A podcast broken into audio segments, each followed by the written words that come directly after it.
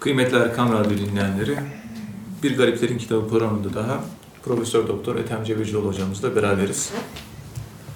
Öncelikle hepinizi Allah'ın selamıyla selamlıyoruz.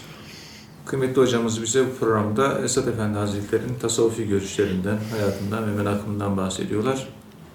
Muhterem hocam, bir önceki programda Esad Efendi Hazretleri'nin ölümle alakalı kanaatlerinden bahsediyorduk.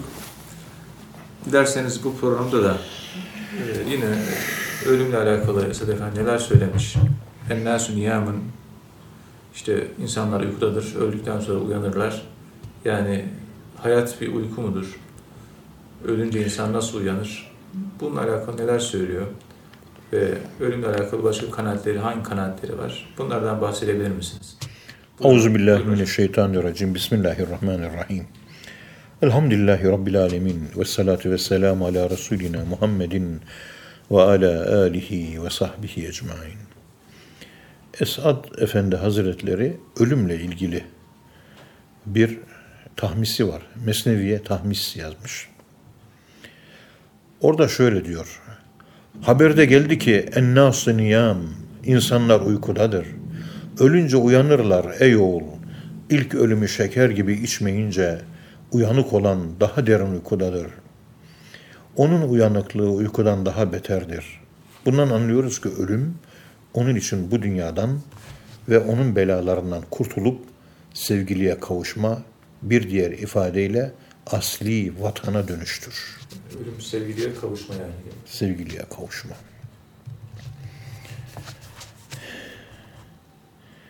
Ölüm rabıtası yaparken bazı tecrübeler yapan bir zata cevaben Esad Efendi Hazretleri tavsiyelerde bulunur. Der ki tarikatı Aliye-i Bahaiye'nin cümle füyüzatından biri olarak hatıra-i mevt ile bir takım havf ve haşyet içinde vücudumuzun her tarafı lerzan ve kuvve-i zihniyenizin perişan bulunduğu ahvalin külliyen zeval bulmakta olduğunu beyan buyurmuş idiniz. Elhamdülillahi Teala ala zalik. Bu hal iman-ı kamilin şems-i taban gibi ufk-ı cenana pertev feşan olduğunu işaret ve belki de beşarettir. Mümin-i kamil için mevt yoktur. Kamil bir mümin için ölüm yoktur. İlk konuşmaya başladığımızda da bu ifadeyi kullanmıştık. Ölüm yoktur. Öldükten sonra da yaşamaya devam ediyoruz. Ama mümin, kamil bir müminse. Evet. Ya. Yalnız ölmek bir mekandan diğer mekana göçmekten ibarettir. Yentakilune min darin ila darin. Bir mekandan, bir evden diğer bir eve taşınmadır. evet. Hatta İmam Gazali Hazretlerinin ölümü ile ilgili e, şöyle bir olay anlatılır. Buyurun. İmam Gazali Hazretleri hastayım diyor. Yatıyorum diyor. Rüyada. Hocam nasıl öldün diye birisi sormuş talebelerinden. O da anlatıyor. Yatarken diyor birdenbire uzun böyle cellabiye giymiş iki genç, güzel genç geldi diyor. Başımda durdular. Selamünaleyküm. Ey imam dediler. Aleyküm selam dedim diyor. Çok yoruldun yattın. Hadi kolumuza girdi. Komşunun şöyle güzel bir bahçesi var. O bahçeye gidelim. Biraz orada havuz var, kuşlar var, güller var. Şöyle biraz kendine gel. Elimden tuttular, kaldırdılar. Yandaki komşunun bahçesine girdik. Ne kadar güzel diyor. Kuşlar uçuyor. Fiskiyeler, havuzlar, şerbetler ikram ediliyor. Güller var, yeşillikler, ağaçlar, meyveler, dallar, hizmetkarlar. Allah Allah. Bunca senedir ben komşumun yanında taşı yaşadım. Böyle bir ev, komşumun evinin böyle olduğunu ilk defa görüyorum dedim diyor. Evet. O sırada duvarın üzerinden bizim eve baktım diyor. Bizim evden diyor bir feryat yükseldi diyor. Sanki biri ölmüş de ona bağırıyorlar. Bu ne dedim diyor. Sen öldün, hanımın ve çocukların arkandan şu anda feryat ediyorlar dedi diyor. Rüyada görüyor bunu değil mi? Yok rüya değil, olan olay. ha, Evet. rüyada görülen olay. Rüyada görüyor, Evet. evet. Yani ben şu anda ben öldüm mü? Evet sen öldün diyorlar. Öldüğümün farkına varamadım diyor. Elimden tuttular yan bahçeye götürdüler diyor. Bana böyle geldi ölüm diyor. Evimden feryatlar yükselince sen öldün şu anda ve arkandan şu anda ailen feryat ediyor. Bu duyduğun sesler o ses. Duvarın üzerine onlara baktım diyor. İmam Gazali gibi bir hayat yaşamak lazım. Evet. Bunlar böyle basit şeyler değil yani. Yani onu bugünkü eleştiren ulemanın hayatına bakıyoruz. İmam Gazali Hazretleri'nin yaşadığı takva hayatın binde birini bile yaşamıyorlar. Utanmadan da tenkit ediyorlar. Belki yeri midir bilmiyorum. İbni Hırzihim diye İbn Arabi Hazretleri'nin Evet. işte e, hocalarından bir, anlattığınız bir Evet. şey var ama İbni Hırzihim Muhyiddin Arabi Hazretleri'nin hocalarından o da Endülüs alimlerinden İmam Gazali'ye karşı çıkmış. Eserlerini toplatmış. Evet. Okumasına engel olmuş. Aleyhinde bulunmuş. ileri geri konuşmuş. İçinde İhya-i Ulumuddin'in sayı hadisler yok falan filan. Epey bir söylenmiş. Bir gece rüyasında İbni Hırzihim peygamberimiz görüyor. Yanında Hazreti Ebu Bekir radıyallahu anh. Yanında Hazreti Ömer radıyallahu anh. Peygamberimiz diyor ki seni yargılayacağız. Sen İmam Gazali'nin İhya adlı eserini böyle yasakladın. Hazreti Ömer'e veriyor, Hazreti Ebubekir'e veriyor. Şunu inceleyin bakalım. İslam dinine aykırı bir şey var mı İhya-i Ulumuddin'de diyor. evet. Onlar kısa bir zamanda kitap kontrol ediyorlar. Ya Resulallah hiçbir kusuru yok. Üstelik çok da güzel bir kitap diyorlar. Bunun üzerine Hazreti Ömer'e Peygamberimiz emir veriyor. İbni Hırzihme kırbaç vur diyor. Bir, iki, üç, dört, beş tane kırbaç vuruyor. Beşincisinde sıçrayarak uyanıyor ama sırtında beş tane kırbazın izi var. Ölene kadar İbni Hırzihim o izi taşımış. Ve her sene bir defa İbni Hırzihim İhya itikafına girermiş. Evet. Yani camiye girer, elinde İhya kitabı bu olaydan sonra niyet ettim Allah rızası için İhya itikafına camiye giriyor. Dört ay veya üç ay İhya Ulumuddin okumaya devam ediyor. Camiden dışarı çıkmıyor. Bir tek tuvalet ihtiyacı için çıkıyor. O kadar. Bir de abdest almak için çıkıyor. Hep camide. Ölene kadar bu İhya itikafına devam etmiş. Her sene üç ay, dört ay sırf İhya okumak üzere. Ya. Evet. Üstad Efendi Hazretleri'nin ölümle alakalı başka hangi düşünceleri, hangi ifadeleri var hocam? Efendim bir mektubunda Esad Efendi Hazretleri o kıyameti gördüğünüz gün her emzikli kadın emzirdiği çocuğu unutur. Her gebe kadın çocuğunu düşürür. Ve terennâse sükâra ve mahum bi sükâra. İnsanları görürsün sarhoştur. Halbuki içki içmediler. Sarhoş değiller. Evet. Fakat Allah'ın azabı çok şiddetli. Korkudan dolayı akıllarını yitirmiş. Hayret içinde, korku içinde, dehşet içinde sağa sola kaçışmaktalar. Sarhoş gibiler. Sallanmaktalar. Bu ayet-i kerimede ahiretin hallerinin ve ahvali ahiretin bildirildiğini ifade etmekte. Dolayısıyla Allahü Teala'nın kıyametin şiddetini müminlere kolaylaştırmasını istemektedir. Ahiret, kıyamet son derece gerçekten zor bir iş. Korkuyla ümit arasında dengeli bir hayat yaşayan Esad Efendi, kıyametten korkusu ve ahiretin dehşeti için teselli vesilesi kabul edilen vasıtalardan biri olarak gözyaşını görür. Ahiretin tesellisi için gözyaşına ihtiyaç var. Ona göre gözyaşlarını meydana getiren şey korkudur, haşiyettir. فَلْيَبْكُوا كَثِيرًا çok ağlayınız. Vel yadhaku kalilen. Az gülünüz. Tevbe suresi 82. Bu ayet ağlamayan çocuğa meme vermezler kuralına göre insanı büyük velilerin sütüne müstehak eylemiştir. Büyük velilerin feyiz sütünü için evet. bu manada. Yani onlardaki hikmet ilmini alın ondaki marifeti alın, ondaki irfanı, ondaki onlardaki ginosiyayı yani Allah'ı, marifetullahı, Allah'ı tanımayı alın. Çok ağlayın, az gülün manası budur diyor. Ağlarsanız meme verilecektir size. Evliya Allah'ın feyzine ihtiyacı var. Evet, evet.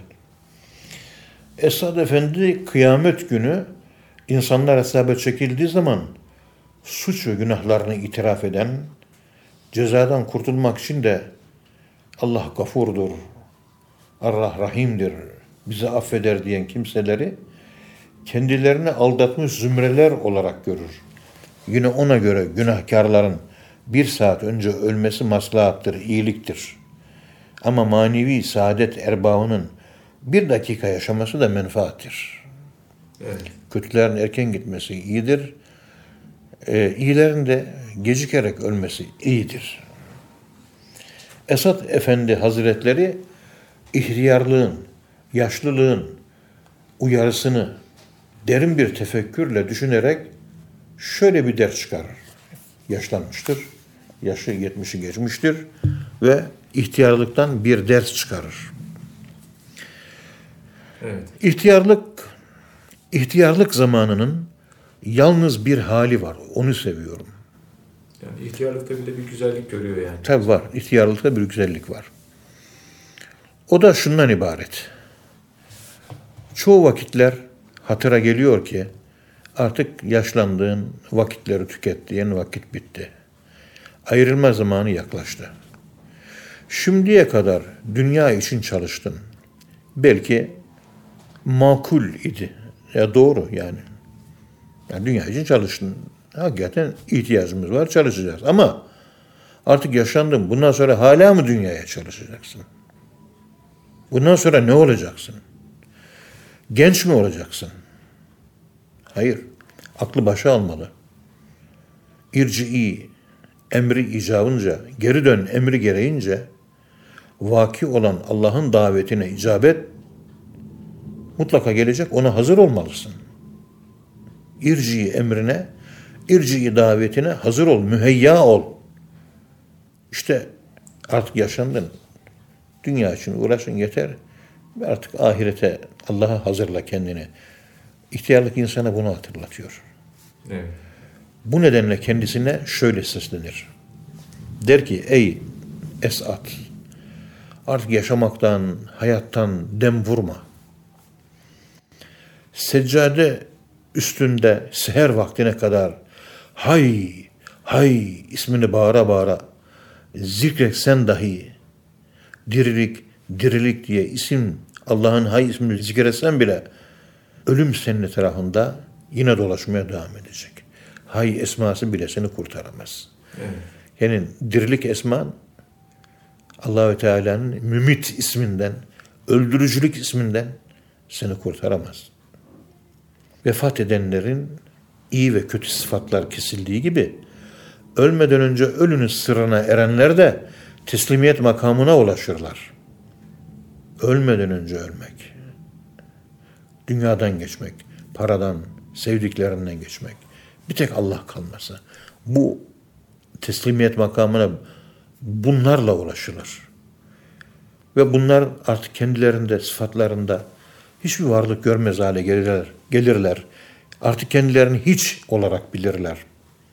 Evet. Zatlarında zatullah hakim olur. Sıfatlarında sıfatullah kaim olur.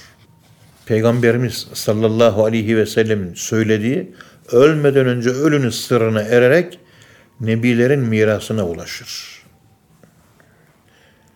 Bir de bu Esad Efendi Hazretleri ölümü dörde ayırıyor hocam. Yani Mevti Ahmer, Mevti Sufiler tabi bu ayrımı yapmışlar. Yani siyah ölüm, yeşil ölüm, beyaz ölüm. Bunlar nedir? Ee, Bunlardan bahsedebilir misiniz? Evet, ölümler çeşit çeşit. Dört çeşit ölüm var. Dört çeşit de fena makamı var.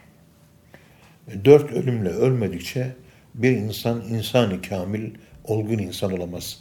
Yani perfect man olamaz. Manevi ölümler bunlar. Manevi ölümler. Bir, ölmeden önce ölümlerin birin, bir, tanesi kırmızı ölüm, mevt ahmer. Nefisle mücadele, nefsin istekleriyle savaş. Şeytanın dürtüklemeleriyle mücadele. Kötülüklerden kaçmak. İbadet ve taat için nefse yön vermek. Bu kırmızı ölüm. Kırmızı yani savaş. Savaş. Yani Şeytanla ve nefsinle savaş. Nefisle mücadele. Ya. Kırmızı. Bir de mevti esvet, siyah ölüm var.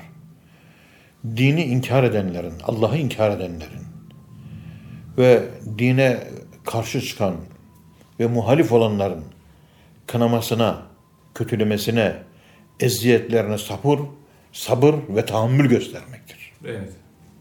Bu siyah ölüm. İnsanlardan gelen eziyet siyah. Yeşil ölüm. Yeşil. Üçüncüsü de mevti ahdar, yeşil ölüm. Bu da gelecek belalara, musibetlere rıza göstermektir.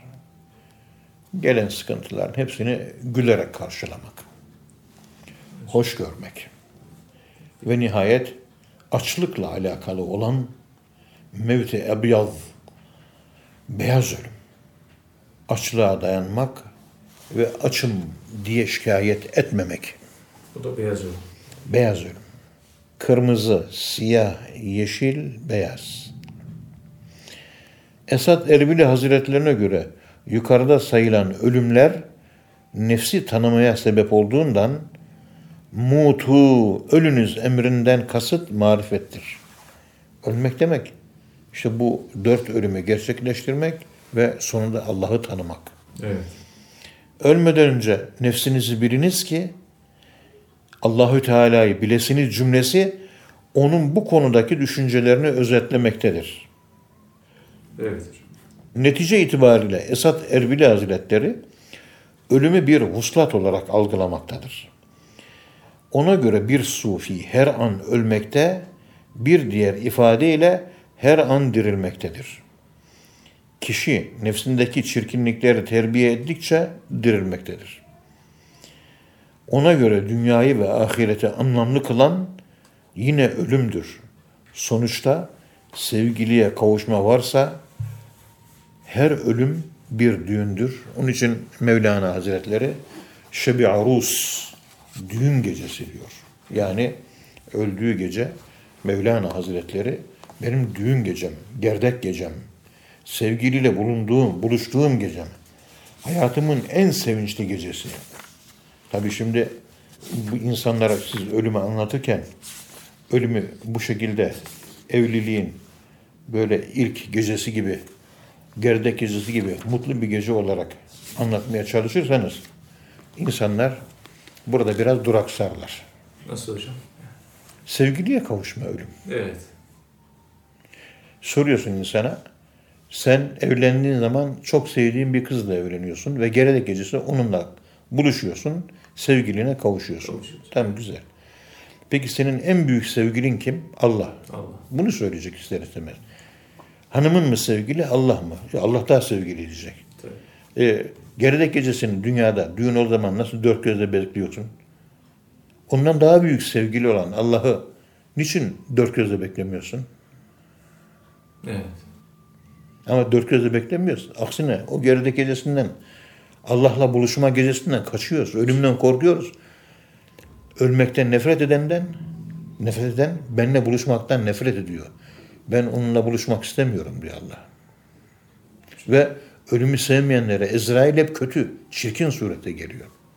Bu da çok feci bir şey. Ölümü seven, sevmek Allah'ı sevmek demektir. Çünkü ölümle Allah'a kavuşuyorsun. Ölümü istemiyorum demek, ben Allah'ı istemiyorum demektir. Ama insanlara sorun, ölmek istiyor musunuz diye sorun. İstiyorum diyen bir tane adam bulamazsınız. Herkes yaşamak istiyor. Herkes.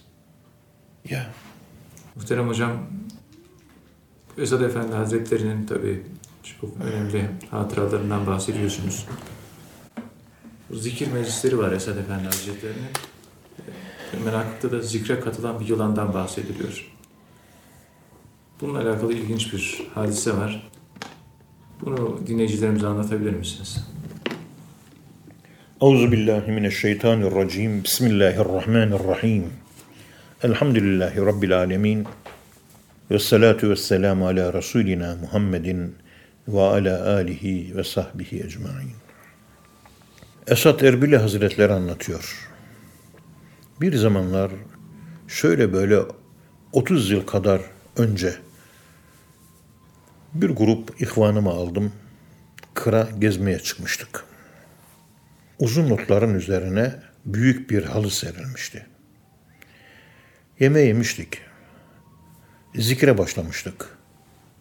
Zikir esnasında hepimiz bu güzel mekan içinde kaybolduğumuzu ve Allah'la bütünleşmiş halde hepimiz sanki hareket ediyormuş gibi hissettim. Bu kendimizden geçme halinde hepimiz birden manevi alemlerden gelen bir müziğin tatlı namelerini işittik. Kainat hamd ile Allah Celle Celaluhu'yu tesbih ediyordu. Bizim zikrimiz tabiatın çektiği zikirle karıştı. Evet. Bir bütün haline geldi. Zikrin sonuna doğru zikrin verdiği sarhoşluktan ilk uyanan ben oldum. Tam o anda hemen yanı başımda halı üzerinde havaya dikilmiş vaziyette bir yılanla karşılaştım. Yanımda bir yılan kocaman. Gövdesini kaldırmış havaya. Fakat vücudunun büyük bir kısmı halının altındaydı. Ses çıkarmadan, kımıldamadan, sadece titreyen gözlerle öylece duruyordu diyor. Bana o sırada zikir halkamıza o yılanın da katıldığı keşf oldu. Zikre yılan da katılmış. Benden önceki şeyhim Tahal Hariri Hazretleri hayvanların Allah'a insanlardan daha çok ibadet ettiğini ve zikir çektiğini söylemişti. O sırada ihvanımız yavaşça vecd halinden manevi sarhoşluk haline sıyrıldı. Hepsi yılanı gördü. Yılan hemen başını çevirdi. Tersine çabucak kaçarak gözden kayboldu gitti. Zikrimize bu şekilde bir yılan da katılmıştı diyor. Tüm mahlukat zikredilir Evet. İnsan, Evet. insanın dışında mahlukat. Evet. Kıymetli hocam, Esad Efendi Hazretleri'nin Şeyh Efendi olması hasebiyle muhataplarına da bir tasarrufu var. Müritlerine bir tasarrufu var. E, gönüllerde tasarrufu var. Bununla alakalı bir anekdot var. Bundan bahsedebilir misiniz? Evet, Gazi Mahmut Muhtar Paşa'nın hanımı Nimet hanımefendi saraya mensuptu. Yani padişah kızıydı. Evet. Ve dervişliği kaliteli birisiydi. Mahmut Muhtar Paşa'nın Nimet adındaki hanım anlatıyor. Benim kız kardeşim hayatının büyük çoğunluğunu Avrupa'nın büyük şehirlerinde diplomatik görevlerde geçirdi. Ama orada uzun süre yaşadığı için hayata bakış açısı Avrupalılara benzemişti. Evet. Rasyonalist olarak düşünüyordu. Geçen sene 1924 senesinde bizi ziyaret ettiğinde kendisine Şeyhimiz Muhammed Esat Erbili Hazretlerinden bahsettim. Şöyledir, böyledir diye anlattım ama o şöyle dinledi, hafife aldı. Biraz da alay eder gibi oldu. Neyse dedim. Kısa bir süre sonra kız kardeşim ziyaret için yine köşkümüze gelmişti. Bu sefer şeyhimizin keramet göstermek üzere köşke gelip gelmeyeceğini sordu. Fakat tevafuk bu ya. Tam o gün kız kardeşim buradayken Şeyh Esad Efendi Hazretleri bizi ziyaret için çıka geldi. Hoş geldiniz dedik. Misafir salonuna aldık. Kahveler, çaylar, yiyecekler, içecekler, muhabbet. Sohbet sırasında kız kardeşimin tavırları Şeyh Efendi'ye karşı hafife alır tarzda alaycı ve kibirliydi. Evet. Esad Efendimiz Kuddise Sürruh çok geçmeden durumun farkına vardı. Yavaşça başını şöyle bir önüne eğdi. Kız kardeşime teveccüh etti. Manen yöneldi. Bir süre kımıldamadan öyle durdu. Çok geçmeden kız kardeşimin tavırları, davranışları değişti. Davranışları daha ciddi, daha mütevazi bir hal aldı. Sonunda hüngür hüngür ağlayarak kalktı. Esat Efendi Hazretlerinin önünde diz çökerek hürmetle olduğu yerde kala kaldı. Kız kardeşim yaşadığı bu olaydan sonra Esat Efendi Hazretlerine intisap etti ve onun çok sadık bir müridi oldu. Gönüllere sultan olanlar, gönüllere hükmeder. Dışa değil, içe bakar, sadece gönüllere serteser. Bismillahi. Zikre katılan bir felçli hastanın Esad Efendi Hazretleri'nin tasarrufuyla iyileşmesi hadisesi var. Evet. Bir de bunu anlatır mısınız? Maneviyatta tabi e, ve nünezzülü minel Kur'an ma huve şifaun ve rahmetun lil müminin. Ya Kur'an-ı Kerim bir şifadır. Yani dua ile de insan iyileşebilir. Evet. Fakat asıl olan e, maddi doktorlara başvurulur. O ilaçlar alınır. Alınırken de dua desteği de arkaya. Şu gemi arkadan giderken arkadan rüzgar alır, yelkenler şişer. Evet. Dua rüzgarını alıp o şekilde maddi doktorların verdiğine uymak lazım. Ama maddi doktorlar çaresiz kalır, tedavi imkansız hale gelirse o zaman manevi olarak ağzı dualı mübarek bir zata gidilip onun duası istenilir. Buna rukiye, okuyarak iyileştirme, okuyarak sağaltma adı verilir. Evet. İşte böyle bir olayı Hazreti Pir Esat Erbili Hazretleri kendisi anlatıyor. Diyor ki bu yakın zamanlardaydı. Bizim bu kelami dergahına bütün vücudu felç olmuş, boylu boyunca sedyede bir hasta getirdiler. Evet. Doktora gitmiş. Doktor incelemiş, kontrol etmiş, muayene etmiş. Ancak hastalığının bir şifası olmadığını söylemiş. Onlar da ümit kesilince ağzı dualı birisine okutalım diye sağa sola bakmışlar. Maddi sebeplere sarılmışlar. Netice alamayınca Netice alamayınca. he, bir ümit diye bizim kelami dergahına getirmişlerdi. Zikir halkasını oluşturdular. Zikir halkasına onu da kattılar. Evet. Ve zikir yapıldı, dualar edildi ve dualarımızla faydamız olsun diye zikir halkamızda bulunan dervişlerle birlikte ona hepimiz teveccüh ettik. Ona kalple yöneldik. Evet. Tabi bir saat, bir buçuk saat bir zikir. Böyle zikir, zikir, zikir, maneviyat. Zikir töreni bittiğinde o yatalak hastaya ayağa kalk evladım dedim. O da hiç kimsenin yardımı olmadan biznillah rahatça ayağa kalktı. Yine kimsenin yardımı olmadan yürüyerek Allah'a ısmarladık diyerek çekip gitti. Tamamen Allah'ın izniyle ve duanın gücüyle oluyor. Burada Astardızade Hilmi Efendi vardı. Çankırı'da. Evet. Onun da huzuruna böyle bir zat bütün vücudu felç olmuş hasta getirdiler. Bu Çankırı'da. Büyük bir zat. Evet. Pek çok dini zayıfın dini yola dönmesine de vesile olmuş. Astarlızade Hilmi Efendi. Hasta gelince bu ne evladım diyor soruyor etrafındakilere. Diyorlar ki efendim doktorlara gittik. Doktorlar ilaç verdiler. Ama ilaçlardan hiç fayda göremedik. En son gittiğimiz doktor da artık ölümünü bekleyin dediler. Ümidi kestik. Ancak ağzı dualı birileri bulursak onları da okutuyoruz. Sizi de bir Allah dostu dediler. Siz de mübarek bir zat imişsiniz. Okuyun da, üfleyin de bir rukiye yani okuyup üfleyin de Kur'an-ı Kerim'in ayetleriyle belki şifa bulur. Onun için getirdik. Buyurun efendim. Aslanızade Hilmi Efendi boynunu büktü. Gözünden iki damla gözyaşı geldi. Biz kimiz ki dedi. Ondan sonra hastanın başına geldi. Kıbleye döndü. Evet. Ya Rabbi dedi. Sen benim Allah'ımsın. Ben de senin kulunum. Ama biliyorsun benim pek çok günahım var. Benim pek çok eksiğim var ya Rabbi. Ancak bu hastayı getirenler beni iyi bir insan zannediyorlar.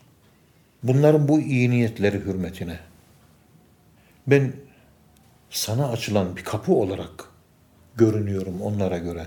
Yani beni sana açılan kapı olarak zannediyorlar. Halbuki Evet. öyle bir şey değil mi? Sen bunu sen de biliyorsun, ben de biliyorum. Bunların bu inançları saf, temiz bir kalple getirdiler. Böyle bir kapı olacak durumu da yok. Bunların bu saf inançlarının hürmetine yaptığım duayı kabul et de bu hasta kalksın iyileşsin. Lütfen ya Rabbi diyor. Yani bunlar nihayet bana değil sana getirdiler hastayı diyor. Ben Allah açılan kapı zannettiler beni diyor. Onun için ben sana sanki bunların gözünde Allah açılan bir kapıyım. Bu inançlarının hürmetine bu hastayı iyileştir. Bu bana gelmedi aslında sana geldi ya Rabbi diyor. Evet. Ondan sonra duayı yaptı. Elini yüzüne sürdü. Bismillahirrahmanirrahim evladım dedi. Elinden tuttu. Hastayı ayağa kaldırdı. Hadi güle güle dedi. Sırtını okşadı, gönderdi. Yürüyerek gitti. Tabi yüreği yanık bir şekilde işten gelerek ihlasla samimiyeti yaptığı için dua aynen kabul olmuş. Böyle bu duaların kabulü çabuk oluyor. Bu dualara ders olarak çok çalışmamız lazım. Namazın kendisi duadan ibaret.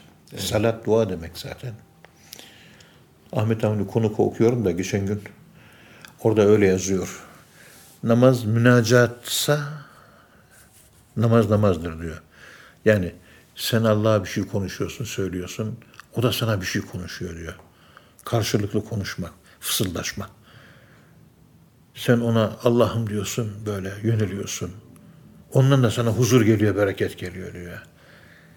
O Allah'ın konuşacak durumu yok diyor ama sen böyle Allah'ım deyince bir huzur ve feyiz oluşuyor mu? İşte Allah'ın konuşması odur diyor. Namaz böyle olursa namaz diyor. Evet. Rahmetli Musa Efendi Hazretleri öyle söylerdi. Namazın içinde yarın yapacağınız hayrı, hasenatı bile düşünmeyeceksiniz derdi. Yarın falanca camiye 20 bin lira para vereceğim, 25 bin lira yapsam mı acaba diye hayır, hayır ameli bile düşünmeyeceksin. Sadece Allah'ta gaş olacaksın. Allah'ta gayb olacaksın. Allah'ta eriyeceksin. Allah düşüncesini de sıfırlayacaksın. Allah'ta hiçliğini yaşayacaksın. Hazreti Ayşe annemiz Peygamberimiz sallallahu aleyhi ve selleme geliyor. Ya Resulallah bir sorun var diyor. Peygamberimiz sor bakalım ey Ayşe. Sor diyor. Ben ve diğer eşleriniz hepimiz namaz kılarken hepimiz kendimizden geçiyoruz. Bu ne haldir ya Resulallah? Hepimiz kendimizden geçiyoruz. Bu ne haldir ya Resulallah? Dışarıdan gelen konuşmalar duyamıyoruz. Ancak selam verdikten sonra gözümüzü açıyoruz. Etrafı öyle fark ediyoruz. Bu ne haldir? Peygamberimiz tebessüm etti Hazreti Ayşe annemize. Radıyallahu anhaya. Ey Ayşe ben de öyle kılıyorum. Siz de o şekilde kılmaya devam edin. Yani Allahu Ekber deyince kendinde dahil ortalıkta hiçbir şey kalmayacak. Boşluğa dalmış gibi. Tabula raza, bomboş, saf bir leyha. Hiçbir şey yok. Bir Allah, bir de sen. Başka kimse yok. O ve sen. O ve sen. Kimse yok. Peygamberimiz ne diyor? Liyema Allahi vaktun. Allah'la benim aramda özel bir hal vardır. Vakit bildiğimiz zaman değil o. Hal vardır. Evet. La yetekarrabu ileyye min melekin kerim ve la rasulün mürsel. Ne bir büyük melek Allah'la benim arama girer ne de nebi mürsel büyük peygamberlerden birinin ruhaniyeti arama girer. O büyük peygamberler, o büyük melekler, en büyük varlıklar arasında onlar değil mi? O büyük varlıklar dahi kaybolur. Bir o kalır bir ben. Allah'la aramızda hiçbir şey kalmaz. Evet. Bunlar tabi biz bunları konuştuğumuz zaman hastaları şifa etmek, şifa vermek Allah'ın elindeki bir yetki. insanların eli değil. Buna O rukiye adı veriliyor. Okumak suretiyle iyileştirmek. Evet. Okumak suretiyle insanlar iyileştirilebilir. Çünkü Allah Kur'an-ı Kerim'de İsra suresinde ve estaizu billah ve nünezzülü minel Kur'an ma huve şifaun ve rahmetun lil müminin ve la yezidu zalimine illa hasara. Yani biz Kur'an-ı Kerim'i şifa olarak indiriyoruz diyor. Şifa. Kur'an-ı Kerim'in şifa olarak inmesi. Yani yukarılardan bildiğimiz maddi gökten astronomik bu kozmik e, semadan değil atmosferden gelmiyor. İçteki noktayı Süveyda'nın açıldığı zamansız mekansız Allah'a açılan o kapı oradan geliyor. Evet. Orada noktayı Süveyda'na giriyorsun, kayboluyorsun, namaz oluyorsun sen. Namazın kendisi oluyorsun. O kadar. Fenafi, fenafi salat. Namazda kayboluyorsun. Bitti. Yani kaybolduğun şey neyse sen olsun. Kimi yemekte kayboluyor, kimi dolarda, kimi parada kayboluyor. Kimi şöhrette kayboluyor, kimi müzikte. Herkesin taptığı bir put var. Ne de faniysen, sen o fani şeyden ibaretsin. Bana sevdiğini söyle, diyor Mevlana. Sen sevdiğin şeyden ibaretsin. Parayı seviyorum, sen parasın diyor. Evet. Allah'ı seviyorsun. Allah değilsin ama Allah adamısın sen diyor. Öbürü para adamı. Neyi çok seviyorsan çok sevdiğin şeyde fani olursun. Yani onunla bütünleşirsin. O hale gelir, onun rengini alırsın. İşte Allah'ta fani olabilmek, Allah'ın rengini alabilmek. Ahmet Avni Konuk da geçen okuduğum doktora tezinde öyle söylüyor.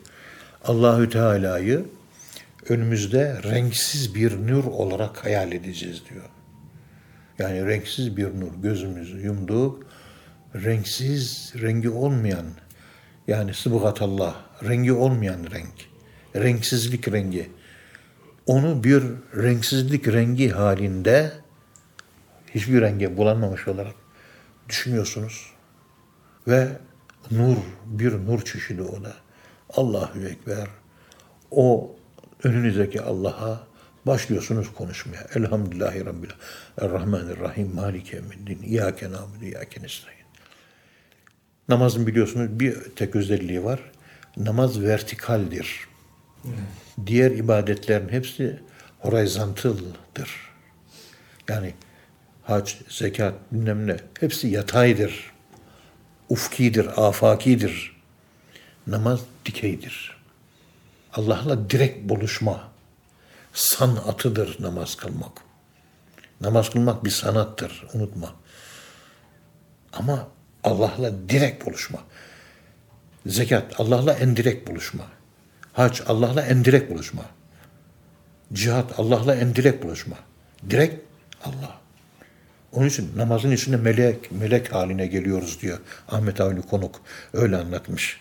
Mesnevi şerh, tercih, şerhinde. Yemek yemiyorsunuz diyor. Evet. Kımıldamıyorsunuz diyor. Allah'a bağlanıyorsunuz diyor.